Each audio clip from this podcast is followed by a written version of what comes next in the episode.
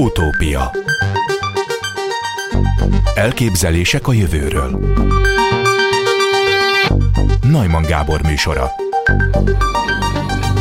A világot, benne az emberi testet keresztül kasul szelik a különböző fantom energiák, melyek szabad áramlása az egészség záloga.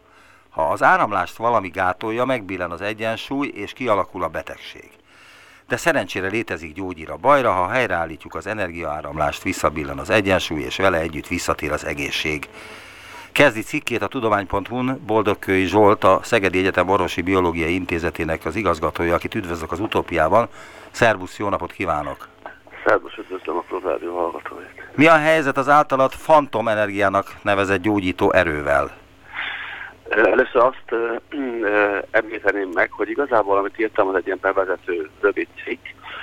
Található itt két uh, publikáció, egyik Kraskó Gábor az akupunktúráról írta, ő a Szkeptikus Társaságnak az elnöke, illetve Meleg Sándor a Reikiről, és az én írásom igazából egyrészt egy bevezető ezeken az írásokhoz, mert egy kicsikét szélesebb összefüggésekben tárgyalja az úgynevezett energia gyógyászatot, ami a kérdésedet illeti... Várja még egy pillanat, hogy köszönöm szépen, hogy felkonferáltad a mai műsoromat, mert lényegében ez a mai műsor, amit mondtál, tehát te mondod a bevezetőt, mint ahogy itt ebben az utópiában, utána jön Raskó Gábor, uh-huh. aki az akupunktúráról beszél remélhetőleg, és utána. Meleg Sándor, dietetikus, aki a rejkit Igen, elemzi. Ez egy hobbija a rejki, ő a dietetikában ő egy nagyon ismert szakember. Neked mi a kedvenced egyébként a kínai orvoslásból?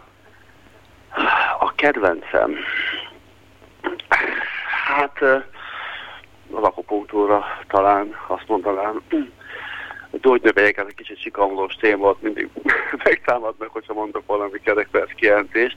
Hát az akupunktúrával ugye azért, az azért érdekes számomra. Várjál, akkor inkább úgy kérdezem, és akkor azt hiszem egyértelmű, hogy Kik utálnak téged a legjobban a természetgyógyászok közül? Kik utálnak a legjobban? Hát nem még végeztem egy ilyen statisztikai alapokon nyugó felmérést. Hát a gyógynövényes témában nagyon sokan utálnak, azt tudom. A homeopátiában is, témakörben is sokan utálnak. Ez a két társaság nagyon gyakran így összeér egymással.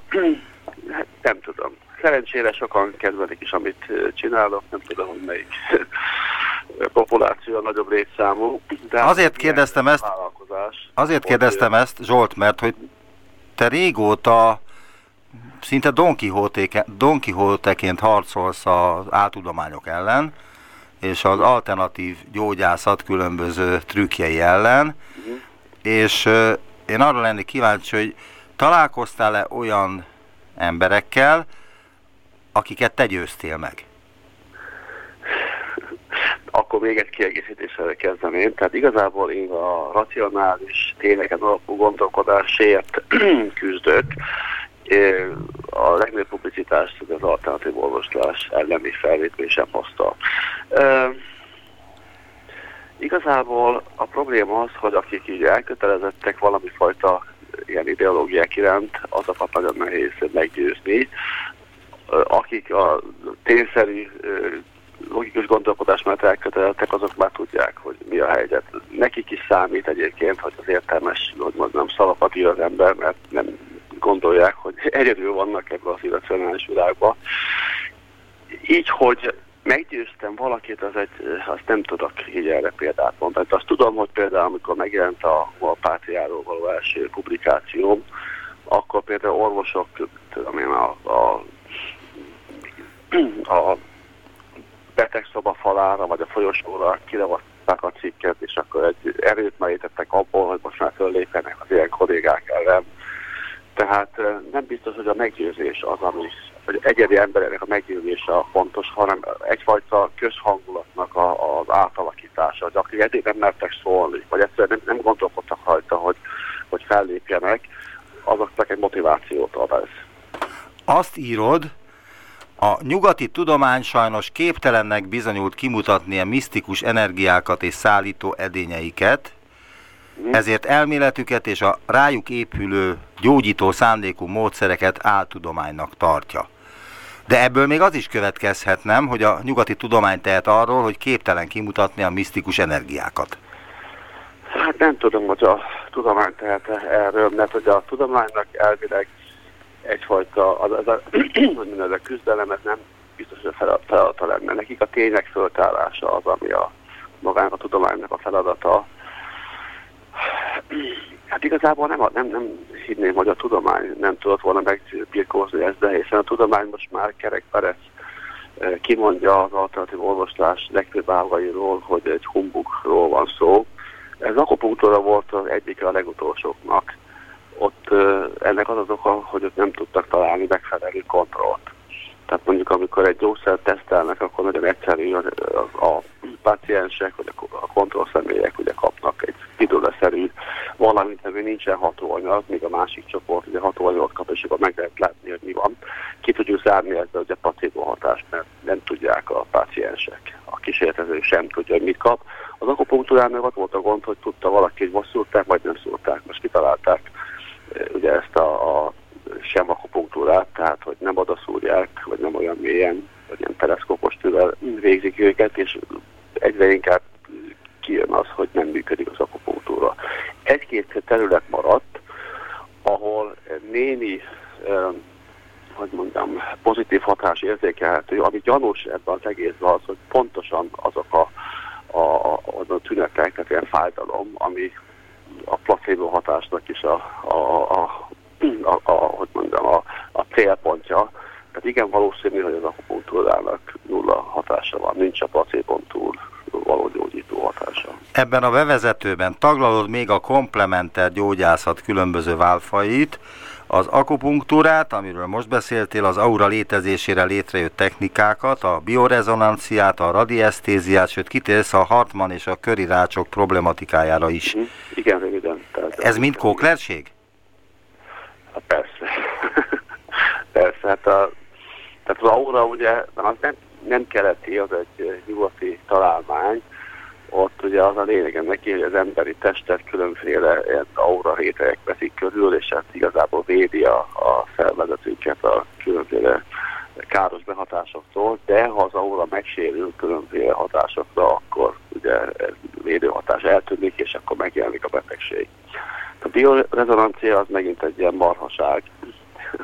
Itt lényegében arról van szó, ugye, hogy, hogy ezzel, ezzel a biorezonancia alkalmazásával egyrészt diagnosztizálni is lehet, másrészt gyógyítani is lehet, de ez egy hülyeség. Tehát azok a gépek, amiket használnak, azokat nem azt méri, állítanak róla, a gyógyító hatásról meg kiderült, hogy nincs ilyen, tehát nem létező valami nem is tud gyógyítani.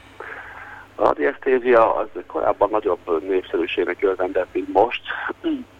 A lényegében arról van szó, hogy vannak különféle ilyen úgynevezett geopatikus erőterek, amik itt a, lényegében a, a tereket körülöttünk átszelik, derékszögben Hartman, meg körérácsok, meg vannak olyanok is, amik a föld alatt futó, nem létező ilyen kis patakok, vagy nem tudom, mik, bocsátják ki őket, és hát hogy ezeknek ugye pozitív vagy negatív hatása van a élő szervezete. Nem mindegy, hogy, hogy, hogy, hogy van az ágyuk, vagy az írvóasztalunk ezekhez képest.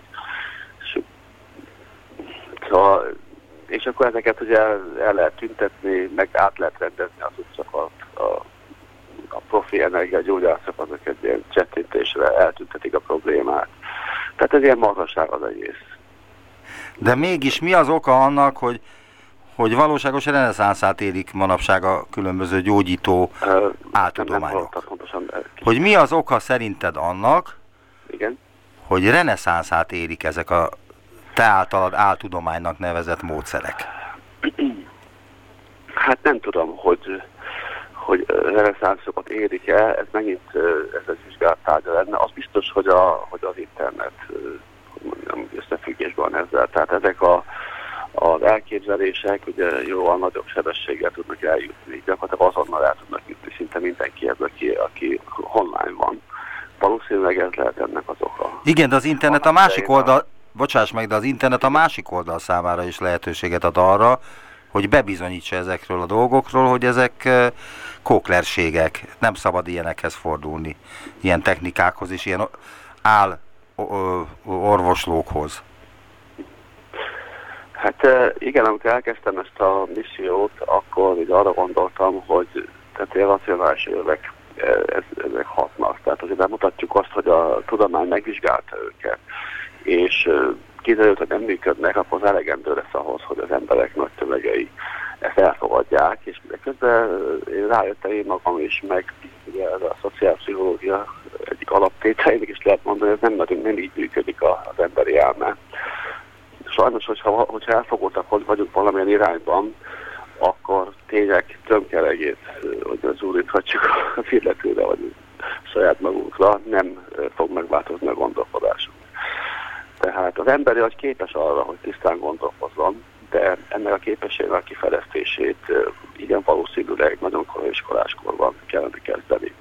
Tehát a jelenlegi iskolarendszer abszolút alkalmatlan, pedig, pedig a gyerek nagyon-nagyon, hogy mondjam, képes lenne erre. Tehát bemutatnák neki pro-kontra érveket adott szituációban mindig, hogy mondjam, el kéne játszani azzal, hogy, hogy, hogy meggyőzni a másikat a tényekről, megvizsgálni a saját gondolkodásainkat, hogy hol vagyunk elfogultak. Tehát egy nagyon-nagyon, hogy mondjam, intelligens társadalmat tudnánk építeni, hogy egy normális oktatási rendszerünk lenne, és most nem a magyar oktatásról beszélek, hanem általában a világszintű.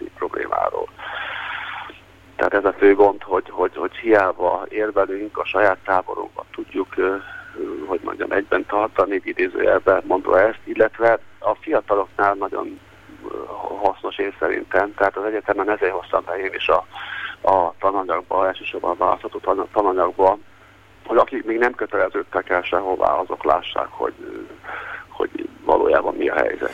Mert te elfogadod azt, hogyha egy hallgató azt mondja, hogy ő el, elhiszi például azt, hogy a radiesztézia az segít bizonyos bajokon? Én nem mondtam azt, hogy elhiszem, tehát nyilván nem hiszem el, amikor elkezdtem ezt a, az oktatásban. Nem azt mondtam, hogy elhiszed, de elfogadod-e, hogy az egyik diákod mondjuk ezt mondja neked? Nem fogadom el, de nem szankcionálom, hogyha valaki áltudományos gondolatai vannak, különböző okok miatt. nem, nem teszem ezt de meg kell mondjam, egyre kevesebben vannak. Tehát amikor elkezdtem ezt a fajta missziót magá az egyetemen is, akkor sokkal nagyobb volt a, a, az arány az a hallgatóknak, akik hittek ezekbe. Tehát gyakorlatilag oda jutottunk most már, hogy, hogy, hogy kínos vagy ciki, hogyha valaki ilyen gondolat, neki ilyen gondolatai vannak a, a egyetemi hallgatóként. Középiskolában is voltam ö, korábban, ott is nagyon sokan megtámadtak, 14-15 éves, ö, diákok, az, az lehet látni, hogy a szülői közegben hozzák ezeket a érveket, meg ezeket a gondolatokat. Tehát az oktatásnak a szerepét emelném ki, ami nagyon fontos lenne, hogy, hogy, hogy értelmesen gondolkodó embereket hogy neveljünk ebbe a társadalomba. Én azt gondolom egyébként, hogy ez az eszközeink már régen megvannak. Tudjuk, hogy mit kéne tenni, csak nem ezt tesszük. Nagyon szépen köszönöm. Boldogkő Zsolt, a Szegedi Egyetem Orvosi Biológiai Intézetének az igazgatója volt az utópiában. Szerbusz viszont hallásra. Szia, szia. Utópia. Kezdjük a beszélgetést egy fontos kérdéssel, amit a cikk szerzője tesz fel. Van-e értelme az akupunktúrás kezelésekben a pontválasztásnak, illetve ha nem, akkor akupunktúráról beszélünk-e egyáltalán? Itt van velünk Racskó Gábor, biológus, informatikus, a Skeptikus Társaság elnöke. Jó napot kívánok! Jó napot! A cikke részletesen taglalja az akupunktúrával kapcsolatos nézeteket, és tudományos elvárásokat fogalmaz meg ezekkel kapcsolatban. De arra kérem mindenek előtt a saját kérdésére válaszoljon. Tehát, hogy beszélhetünk-e egyáltalán akupunktúráról, hogyha a pontválasztásnak nincs jelentősége? Az én válaszom az az, hogy nem ugyanis az akupunktúra nem egyszerű szurkálás. Tehát nem, sem, nincs olyan akupunktőr szerintem, aki azt mondja, hogy hát teljesen mindegy, hogy hol szurkálunk, meg hogy hogy diagnosztizálunk, egyszerűen neki kell esni az embernek és tükkel szurkálni, hanem ez egy olyan bonyolult rendszer, amit hát, hát tényleg több ezer éven keresztül alakult ki, még akkor is, hogyha több változata van, és a modern változatok nem ugyanolyanok, mint a régiek, de ezt azt hiszem négy éven keresztül tanulják az akupunktőrök, ugye akik Magyarországon orvos végzettségűek egyébként, és hát négy év alatt olyan szabályokat tanulnak meg, ami nélkül, amit valaki csinálna, azt nem lehetne akupunktúrának nevezni. Tehát ugye az, az nem kérdés, hogy ha valaki tűvel megszúrunk, annak valamiféle hatása van. De az akupunktúra nem erről szól. Az akupunktúra arról szól, hogy a szervezeten belül a kiáramlik, ami valami rejtélyes energia, az úgynevezett csatornákon, amiket nem egészen precízen meridiánoknak neveznek, és, és, ennek a, és ez okozza ying és a yang egyensúlyának a felbomlását, hanem megfelelő az áramlás, és ennek a helyre hozatala az, hogy valahol, nem is valahol, hanem meghatározott pontokon szúrni kell, tűvel elég mélyen, és az akkor valahogy a, a kiáramlásának a blokkolását feloldja, és ezáltal helyreállítja az egyensúlyt, és meggyógyítja a betegséget. Ez egy nagyon bonyolult rendszer tehát, és, és azt kell mondani, hogy ha ezeket a szabályokat nem tartja be valaki, akkor lehet érdekes orvosilag az, amit csinál, de semmiképpen nem lehet akupunktúrának nevezni. Azt írja, hogy az akupunktúra nem egyszerű szurkálás, hanem egy nagyon bonyolult rendszer szerint végzett kezelésmód, amely több ezer év alatt kristályosodott ki. De hát ez igaz is szóról szóra, nem? Így van, igen, azt hiszem ezen nem nagyon vitatkozna senki. Ha például arra vagyunk kíváncsiak, írja, hogy kiegészítő terápiaként az akupunktúrás kezelés hatásos-e a mesterséges megtermékenyítés során a sikeres teherbeesés valószínűségi nevelésében, akkor pontosítanunk kell a kérdésfeltevést, vagyis hogyan kell feltennünk a korrekt kérdést? Ugye minden ilyen orvosi kutatásnál, és hát nem csak orvosi, akár fizikai kutatásnál is elég precízen meg kell mondani, hogy mit mérünk, mi az elvárt eredmény, mit tekintünk sikeresnek, és mit tekintünk nem sikeres eredménynek. Ez így a, az eddigi kérdés feltevése ehhez nem volt elegendő, tehát nyilván pontosan meg kell határozni, miről van szó.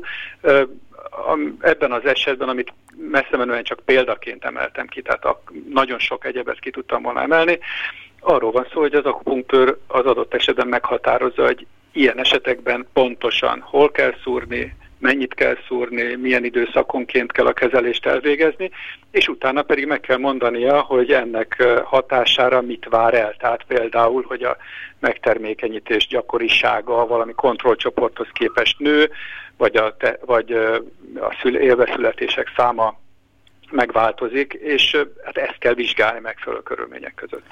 Az írásában először egy látszólag hatásos akupunktúra kezelésről ír, majd bebizonyítja, hogy hatástalan akupunktúra kezelésről van szó, és a bizonyítékok a hatásosságra hibás lebonyolítás miatt történhetett. Megtenni, hogy ezt részletezi? Igen, tehát az első kísérlet, amiket végeztek akupunktőrök, az arról szólt, amiről éppen most beszéltünk, hogy vajon lehet-e befolyásolni mesterséges megtermékenyítés esetén a beágyazódásnak a, a valószínűségét, úgyhogy akupunktúrás kezelést alkalmazunk, méghozzá megadott pontokon, ahol az akupunktúra szabály szerint ilyenkor szúrni kell. Szúrunk, akkor ez megtörténik el, és úgy tűnt az első kísérletek során, hogy ez, ez igaz lett.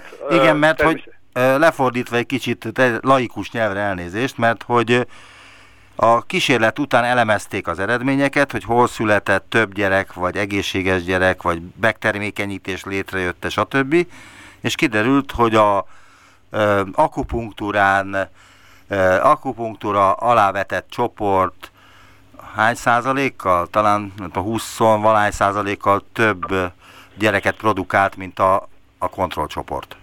Igen, de a, a lényeg ugye az, és ez volt a probléma a kísérletben, hogy a kontrollcsoport az egy olyan csoport volt, amelyik ugyanúgy átment a mesterséges megtermékenyítésen, de egyébként meg nem kapott semmiféle olyan kezelést, ami egy, egy megfelelő kontrollhoz lenne szükséges. Tehát ők tudták, hogy ők nem kapnak egy ilyen nagyon klassz és ősi akupunktúrás kezelést, nem mennek át azon a procedúrán, tehát nyitott volt a kísérlet. Ugye mindenki tudta, hogy melyik csoportba tartozik a, a kezelt vagy a nem kezelt csoport. Igen, már nem gondolhatta az orvos feltételezem a nőgyógyászok, akik ezben részt vettek, vagy nem tudom, belgyógyászok, hogy olyan mértékben befolyásolhatja az a tudat, hogy kap egy ilyen kezelést vagy sem, hogy befolyásolja ez a megtermékenyítést. Igen, nem tudjuk. Nem tudjuk, hogy mi okozta a különbséget. Lehet, hogy konkrétan az akupunktúrás kezelés, de, de nagyon sok más lehetőség is van. Én ebben az esetben kevéssé gondolom, hogy pszichológiai oka lehetett a dolognak, a közvetlen pszichológiai oka, más esetben lehetne, mint a fejfájás vagy ilyesmi esetében, itt talán nem, uh, hanem gondoljuk el, hogy azért ez nem egy egy pillanatnyi kezelés. Tehát ha valaki átment a kezelésen, akkor esetleg a következő napokban jobban követte az orvos utasításait, mint az a csalódott ember, aki ugye abba a csoportba került, hogy nem ment át a kezelésen. De egyébként még akár itt a fotelben ülve több olyan elméleti okot lehetne találni, ami miatt az úgynevezett vakság megsérülése esetén, tehát hogy tudták, hogy melyik csoportba tartoznak, eltérő eredmények lesznek.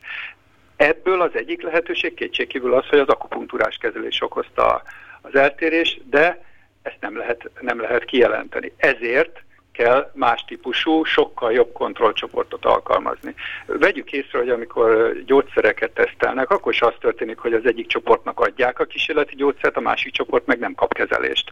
Hanem az történik, hogy a, az egyik csoport kapja gyógyszeres kezelést, a másik pedig egy majdnem pontosan ugyanolyan gyógyszert kap, amelyik színre, szagra, ízre, sőt lehetőleg akár mellékhatásra is, ugyanolyan, mint a speciális szerünk.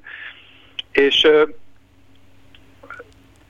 igen, de, igen, itt vagyok, csak azt akartam itt közbevetni egyébként, hogy hogy itt ugye arról volt szó, hogy volt két csoport, akik közül az egyik minden mindnyáján mesterséges megtermékenyítésre vártak, ketté osztották, de elég nagy számú, ami 80 fős csoportról van szó. Igen, igen. Ugye? Ketté osztották, tehát kétszer 80 fős csoportról, és az egyik, fő, egyik csoportban akupunktúrás kezelést végeztek, a másikban nem, és a, az eredmények e, szignifikánsan kimutatták, hogy az akupunktúrás csoportnál több megtermékenyítés történt, mint a másik csoportnál. De ebben miért nem nyugodott bele a, a tudományos világ, vagy mi történt ezután? Azért, mert a két csoport nem csak abban különbözött, hogy az egyiknek a punktúrás kezelést adtak, a másiknak nem, hanem amiatt, hogy a páciensek tudták, hogy ők melyik csoportban vannak, még nagyon sok másban is különböztek. És ezt kell kiküszöbölni. Tehát ezért kell a kontrollcsoportnak is egy olyan ö, kezelést kapnia, ami mindenben hasonlít a páciens számára az akupunktúrára, csak éppen nem akupunktúra. Ilyet végeztek is később. Egyébként ezeket az ellenőrzéseket is, is akupunktőrök végezték, tehát nem úgymond szkeptikusok, akik nem akarták, hogy az akupunktúra beigazolódjon, csak egy kicsit jobb felállást csináltak, amikor is az egyik csoport kapta a rendes, megtervezett akupunktúrás kezelést, a másik csoport is az ő számukra ugyanolyan típusú kezelést kapott, tehát lefektették őket, konzultáltak velük, szurkálták őket, csak arra figyelt az akupunktúrás orvos, hogy ennek a csoportnak ne a megfelelő helyre szúrjon, lehetőleg akár is akupunktúrás pontra szúrjon, és ne olyan mélyre szúrjon, ami az akupunktúra szabályai szerint kellett volna, hogy megtörténjen. Tehát az akupunktúra szabályai szerint ezen kontrollcsoportra nem lett volna szabad, hogy hatásos legyen a kezelés, hiszen ez nem akupunktúra, amit kaptam. Mekkora csoportról volt szó második ez, alkalommal? A második alkalommal az elsőnél uh, nagyobb csoporttal végezték. Az mit jelent? Kontrollcsoport és kezelés csoporttal.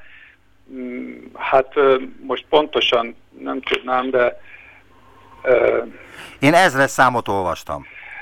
Igen, én is úgy tudom, hogy, hogy ez egy, egy nagyságrendileg nagyobb csoport volt. És több, a, a cik, és több földrészen használták ezt a... Igen, igen, igen. Tehát egy több, center, több ö, centeres kutatás volt, és, ö, és ö, ebben azt kapták, hogy, hogy ténylegesen az, annak a csoportnak is javult az eredménye, amelyik ezt a hamis akupunktúrás kezelést kapta. És ez két dolgot mutat. Az egyik az az, hogy ebben a kezelésben, az akupunktúra szabályainak, tehát annak, hogy hol szúrunk és milyen mélyen szúrunk, egyáltalán nem volt jelentősége. A magyarul az akupunktúra önmaga nem volt hatásos, azon lehet elmélkedni, hogy az, hogy szurkáltuk a pácienst, az, hogy a páciens úgy gondolta, hogy valami nagyon speciális kezelésben részesült, annak volt valami hatása. Ez egy nagyon érdekes dolog, amit lehet egyébként vizsgálni, de éppen úgy kell vizsgálni, hogy föltételezzük, hogy itt nem akupunktúra hatott, hiszen azt a két csoport egyenlősége kimutatta, hanem valami egészen más. És én ezt azért tartom nagyon fontosnak két okból. Az egyik, mert szerintem fontos tudni, hogy egy olyan ősi, régi uh, tudás, mint az akupunktúrás kezelés, az olyan tényleg hat, hatásos-e vagy nem, és úgy tűnik, hogy nem. A másik pedig az az, hogy hát mindenféle orvosi beavatkozásnál jó lenne tudni, hogy mi hatott, mert azt akkor minél hatékonyabban lehetne a jövőben használni. Tehát, igen, de, tény... igen, de hadd igen? kérdezzem meg, hogy jó, lehet, hogy a mesterséges megtermi, me, megtermékenyítésnél ez nem jó. De lehet, hogy bizonyos reumatológiai panaszoknál jó. Vagy az sem jó? Ö, én, én úgy gondolom, és nagyon erőteljesen úgy gondolom, hogy nem jó. Kétség kívül vannak olyan esetek, amikor az ember egy kicsit inkább feltételezi, hogy a szurkálás hat, hatásos lenne. És nem véletlenül használom a szurkálás szót, mert az eredmények is ezt mutatják, hogy ott, ahol ö, ténylegesen hatékonyabbnak tűnik ez a kezelés, azok mind olyasmik, ahol, ahol el tudunk képzelni valami akár valami... Ja, írja, hogy ahol a placebo hatás, hatás azok, e, e, ahol nem, általában nem működni szoktak. A, nem feltétlen, amikor fájdalom ingerről van szó, akkor akár még tudományos magyarázatot is lehetne, hipotézis legalábbis felállítani, hogy az, hogy tűvel valakit szúrunk, az hogy befolyásolja a fájdalom érzetet. Tehát akár ez nem csak sima pszichológia lehetne, hanem valami fiziológiai magyarázat is lehetne. A probléma az az, hogy még az ilyen kezelések esetén is azt mutatták ki, hogy a korrekt akupunktúrás kezelés és a hamis akupunktúrás kezelés, tehát ami igazából nem akupunktúra, mert rossz helyen szúrunk, és nem elég mélyen szúrunk, az is ugyanolyan hatékonyságú. Tehát még ezekben az esetekben sem igazolódott be, hogy az akupunktúra hatékony. Most megint hozzáteszem, amikor én akupunktúráról beszélek, nem simán szurkálásról beszélek, hanem arról, hogy a kiáramlásának a blokkoltságát kell feloldani az akupunktúra szabályai szerint. Ez nem igazolódik gyakorlatilag egyik esetben sem. Természetesen, ha valaki nagyon megnézegeti az irodalmat, akkor tud olyan példákat is felhozni a leközölt cikkekből, amikor korrekt vizsgálat volt, hogy akupunktúrás kezelés és hamis akupunktúrás kezelés, és még ebben az esetben is az akupunktúrás kezelés jobb eredményt hozott, mint a hamis akupunktúrás kezelés.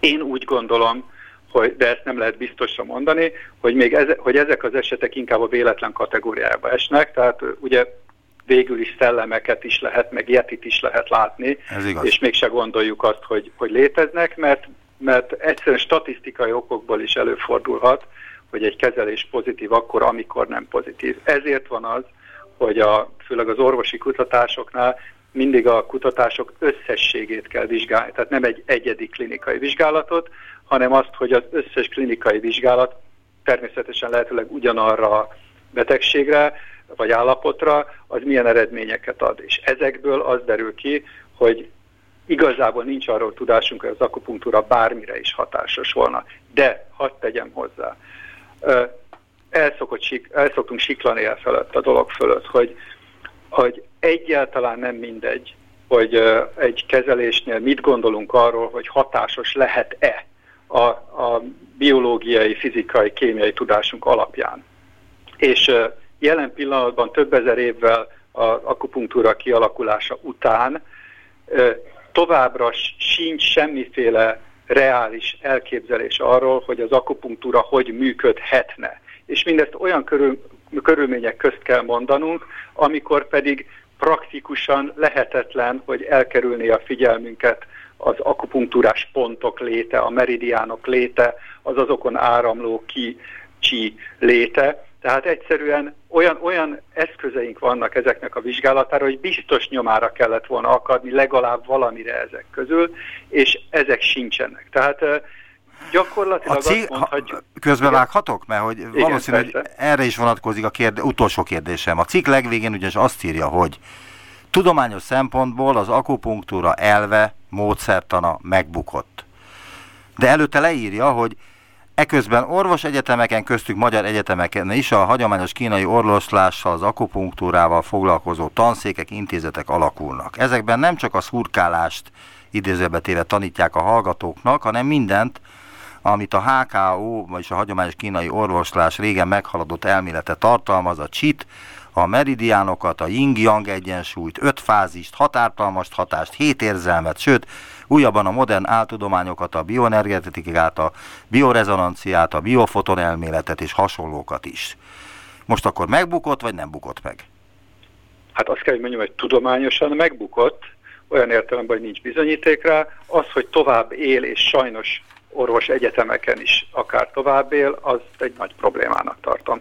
Nagyon szépen köszönöm az interjút. Raskó Gábor volt az utópiában viszont hallásra. Viszont hallásra. Utópia a reiki az úgynevezett energiagyógyászat körébe tartozik. Az ide tartozó módszerek közös jellemzője, hogy a megbetegedéseket a szervezet energiahálózatának hibájaként, elégtelenségeként határozzák meg, a gyógyítás pedig két személy között a feltételezett univerzális életenergia átadásával történik, írja Melek Sándor dietetikus, az Alimento blog szerzője, a tudomány.hu-n, és akit üdvözölhetek az utópiában. Jó napot kívánok! Jó napot kívánok, üdvözlöm a hallgatókat! Ez a legújabb keleti gyógymód, amely a Mikao Usui személyével kezdődik. De mit lehet tudni róla pontosan? Halló? Tehát mit lehet tudni Mikao Usuiról? Ő indította hát, el ezt a bizonyos új keleti igen, gyógymódot. Igen, gyakorlatilag annyira új, tehát hogy mondjam, legújabbnak nem neveznénk, mert ez gyakorlatilag a 20. század elején ö, alakult ki ez az energiagyógyászatos irányzat, és a keleti vallásoknak eleve a rendszerébe nagyon sok helyen megtalálhatók ezek az energia átadásra vonatkozó gyógyító metódusok, tehát gyakorlatilag ő nem talált föl sok újat. A szájhagyomány szerint, ami fönnmaradt az ő munkásságával kapcsolatban, ő egy szerzetes életmódra áttérő ember volt, aki tanulmányozta a keresztény, a buddhista és egyéb tanokat, és ebből ő megalkotott egy gyógyító rendszert, ami arra épül, hogy egy univerzális kozmikus energiát ő átad a, a pácienseknek, és ezzel gyógyít. Hát ez, amit a kínai gyógyászatban csínek hívnak, az indiai gyógyászatban pránának, és hát a japán terminológiában pedig kínek. Hogyan történik a rejkivel való gyógyítás? A reiki foglalkozás, illetve gyógyító alkalmaz úgy történik, hogy egy kellemes relaxált környezetbe a betegnek a testére vagy a teste fölé helyezi a gyógyító a kezét, különféle szimbólumokat képzel el, illetve idéz meg a gyógyító folyamat során, és akkor ezzel gyakorlatilag... Mint például? Hát ezek ilyen kínai írásjelekre hasonló figurák gyakorlatilag ő ezeket elképzeli, ezeket ő a beavatáskor megkapja, mint ö, titkos tanítást, és ő ezeket, hogyha elképzeli, illetve ö, megjeleníti maga előtt vizuálisan, akkor ettől az univerzális energia átáramlik az ő testén. Ez egy nagyon fontos tanítása a reikinek és a többi gyógyászatnak is, hogy nem a saját energiájából ad a páciensnek, hanem ö, átad egy másik ö, univerzális rajta keresztül áramló energiát, tehát véletlenül se a saját életerejét adja oda a páciensnek. De hát ezt egyeteme, elnézést, egyetemeken is oktatják a rejki e, e, gyógyítását, Magyarországon Pécset például. Ha titkos, akkor hogy lehet átadni a tanárnak, a tanár hogy adja át a diákjának a titkos? Hát, hogy a Pécsi Egyetemen ebből mit tanítanak, azt én jelen pillanatban nem tudom megítélni. Az biztos, hogy a tradicionális reikiben a, a beavat, ez egy beavatással megszerezhető képesség a gyógyítás, és ezt egy mester-tanítvány viszonyba adják át, és itt elvárás a tanítvány részéről, hogy ő ezt a, ezt a tudást, ezt a beavatást nem adhatja tovább, csak a meghatározott, hát mondanám szakmainak, de ezek inkább ilyen tradicionális szokásoknak megfelelően. Tehát, hogyha valaki mondjuk reiki tanítványként közzéteszi a szimbólumokat, egyébként ezt többször közzétették már a történelem folyamán, akkor elméletileg ő a, ezt a mester tanítvány viszont sérti meg. Tehát így tanítani nem lehet, hogy én megtanulom és levizsgázok belőle, ehhez kell egy beavatás. Aha. Azt írja, a Reiki működésének kritikus pontja az univerzális áthatható életerő működése, melynek létezése nem igazolt. A nem igazolt azt is jelenti, hogy nincs is? Hát ö, gyakorlatilag a jelenlegi műszereinkkel ilyen típusú életenergiát nem tudunk kimutatni, és ö, a dolgok úgy állnak, hogy ezeknek a hatását sem tudjuk kimutatni az élő szervezetben. Tehát ahhoz, hogy ö, ki lehessen mutatni egy energiatípust, erre már a mai fizikának egy egész jó műszerezettsége van, tehát az elektromágneses spektrumot gyakorlatilag az aljától a végéig tudjuk mérni, tehát hogyha létezne egy ilyen univerzális életenergia, akkor ezt már valamilyen módon nekünk ki kellett volna tudni mutatni. De ha azt mondják, mint hogy a kereti gyógyászatban mondják sokan, hogy hát ez egy nem fizikai természetű energia, és ezért nem lehet kimutatni, ezt csak az élő szervezetek érzékelik, akkor is az élő szervezetben ö, ö, gyakorolt hatást kellene tudnunk kimutatni, tehát magát a gyógyító hatást meg kellene tudnunk fogni akkor is, ha magát ezt az energiát nem mérjük, na most ezt a gyógyító hatást sem tudjuk kimutatni. Ön vett részt ilyen rejki foglalkozáson? Igen, igen, nekem van saját tapasztalatom ebben a témában. Miért ment el ilyen helyre? Érdekelt a történet. Tehát nekem az érdeklődési körömben az alternatív gyógyászatok mindig bele is tartoztak, és én személyesen nagyon sok irányzatot ki is próbáltam, többek között a reikit is. És miért próbálta ki? Hát ez valamikor még ugye 90-es évek vége felé volt, akkor Magyarországon nagyon sok ilyen... Azért kérdezem, mert hit még akkor abban, hogy esetleg ezeknek vannak gyógyító hatásai is? Igen, igen, de nekem volt egy olyan korszakom, amikor ezeket kipróbáltam, és hát mivel mindenki nagyon pozitívan nyilatkozott róla, ezért megpróbáltam én is. Hát nyilván ilyenkor az ember megpróbál pozitívan hozzáállni, nehogy véletlenül az álljon a, a rendszerbe, hogy nem hitt eléggé, és ezért nem tudta megcsinálni, de én sokkal nyitottabb voltam abban az irányban. Nyilvánvalóan, ha olyan tapasztalatai vannak az embernek, akkor egy ilyen típusú gyógyító eljárásra akár nyitottabb is lehet. Mi volt az a pont, ami megfordította önben ezt a véleményt? Hát ez egy viszonylag hosszú folyamat volt, mert én ahogy vizsgáltam végig ezeket az eljárásokat, az ember... Talán... Milyen eljárásokban vett részt legalább Mondjál. Gyakorlatilag a csontkovácsolástól kezdve az alternatív táplálkozási irányzatokig nagyon sok mindennel foglalkoztam. Mert hogy a csontkovácsolás is ide tartozik? Hát az nem kifejezetten energiagyógyászat, bár van egy olyan irányzat, ahol például ott is használják ezeket a meridiánokat, vagy mondjuk a kínai energiának a, a használatát. Tehát abból nagyon sokfajta ö, verzió létezik, tehát távol-keleti masszázsoknál például az energiatant ismerni kell ahhoz, hogy az ember tudjon masszírozni. Aha. És még? És Tehát mondta, hogy csontkovácsolás? Hát az alternatív táplálkozás terápiákból nagyon sokat... Az mit jelent? Ö, hát akkoriban a, a testkontroll volt, ami nagyon sokat ö, jelentett Magyarországnak. A, gyakorlatilag az volt az első nagy olyan irányzat, ami betört a, a hazai piacra. Aha. Ö, mit kezd azzal az érvel, hogyha azt mondják önnek, hogy hát rejkin volt, meg akupunktúrás kezelésem, meg egyéb ilyen alternatív gyógymódokon is meggyógyult, és azt mondja önnek, hogy lehet, hogy nem tudjuk, hogy hogyan működik, de működik. Hát az egyik dolog, ami ilyenkor feljön, ez a placebo hatás. A, az gyakorlatilag arról szól, hogy ha az ember azt gondolja, hogy ő egy hatásos kezelésnek az alanya, akkor ő jobban fogja magát érezni. A reiki esetében elő, bár egy nagyon kellemes relaxált környezet van, ami csökkenti a feszültséget, foglalkoznak az emberrel, általában kellemes zenét tesznek be, van valami kellemes illatosító, fizikai gyengét kontaktusnak van kitéve az ember, ez, ez magát a placebo hatást is fel tudja erősíteni, de önmagában van egy relaxációs hatása, és vannak olyan, egy magas vérnyomásos beteg esetén, ez mondjuk lejjebb viheti akár a vérnyomását is. Aztán nagyon sok esetben azt azért hozzá kell tenni, hogy aki reikire meg egyéb alternatív terápiákra jár, közben részesül a hagyományos orvosi kezelésekben is. Nyilván akkor ő nem biztos, hogy a hagyományos orvosi kezelésnek fogja tanúsítani a saját állapotjavulását. A harmadik dolog, amit meg itt meg kell jegyezni, hogy alapvetően az alternatív gyógyászati módszerek nem mindig az objektívan mérhető paraméterekhez kötik a gyógyulást, hanem a közérzethez és az alternatív terápiák, nem itt ez a homeopátiáról is elmondható például, hogy ők nagyon sok esetben a szubjektív egészségi helyzetet javítják, és nem magát a betegséget gyógyítják meg. Mekkora hazánkban a rejki népszerűsége? Most nem a többi alternatív gyógymódról kérdezem, csak a rejkiről.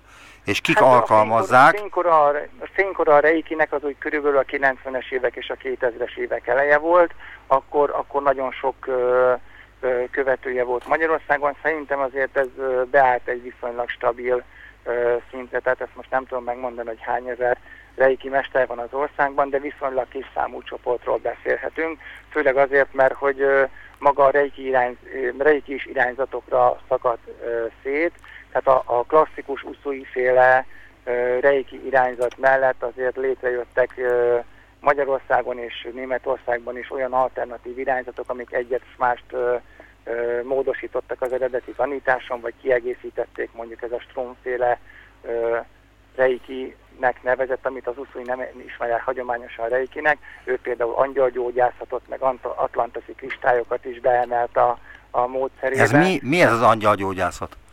Hát a, ennek a rendszernek az elve arról szól, hogy vannak az emberi szint fölött álló természet feletti nem anyagi természetű entitások, tehát angyalok, tehát hasonlóképpen, mint a kereszténységben, és ezeket az angyalokat meg lehet idézni egy gyógyító eljárás során, és akkor ahogy a reikiben, úgy itt is egy univerzális energiát kapunk az angyaloktól, és adunk át tovább a páciensnek. De ezt csak mesterek tudják megtenni, vagy reiki mesterek? Hát ez, ez, ez ugyanolyan beavatási soron megy végig, mint a, mint a reiki, tehát minden egyes beavatási fokozaton ö, ö, adnak úgynevezett plusz képességeket, hogy először csak kisebb angyalok, aztán bővebb angyalok, tehát hogy hogy uh, itt, itt azért nagyon sok múlik attól, hogy az adott mester hogyan tanítja meg ezt a, vagy hogyan adja tovább ezt a tudást a és hogy lehet valaki reiki mester? Tehát ehhez el kell utazni Japánba, vagy Kínába, vagy én nem tudom, nem, hogy hova? Nem, Magyarországon is, Magyarországon is vannak reiki mesterek.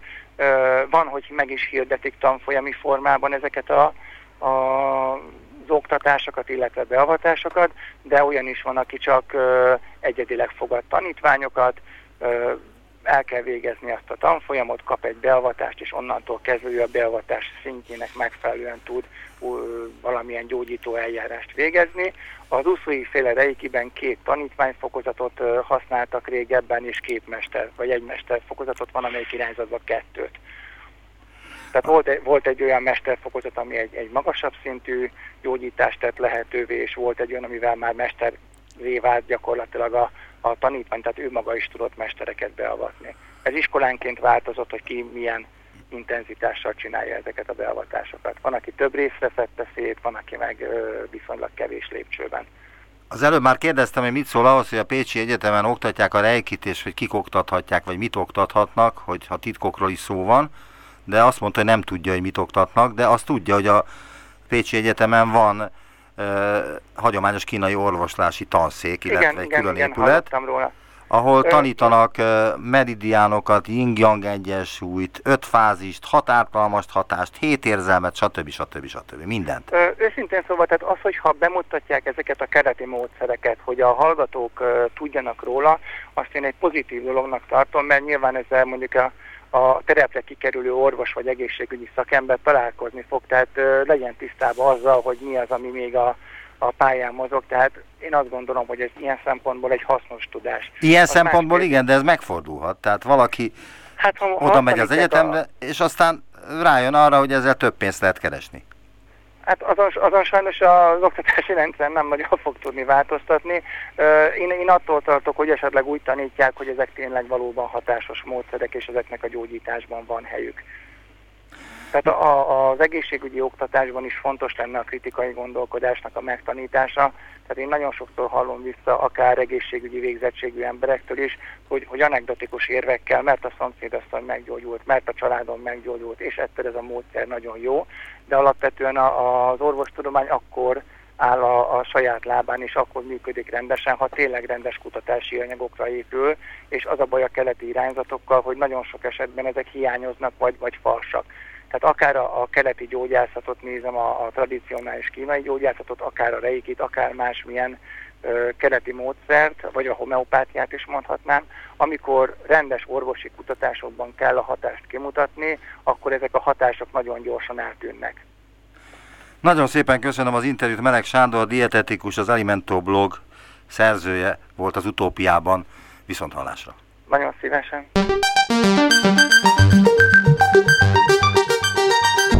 Visszaértünk a jelenbe. Neumann Gábor utópia című műsorát hallották.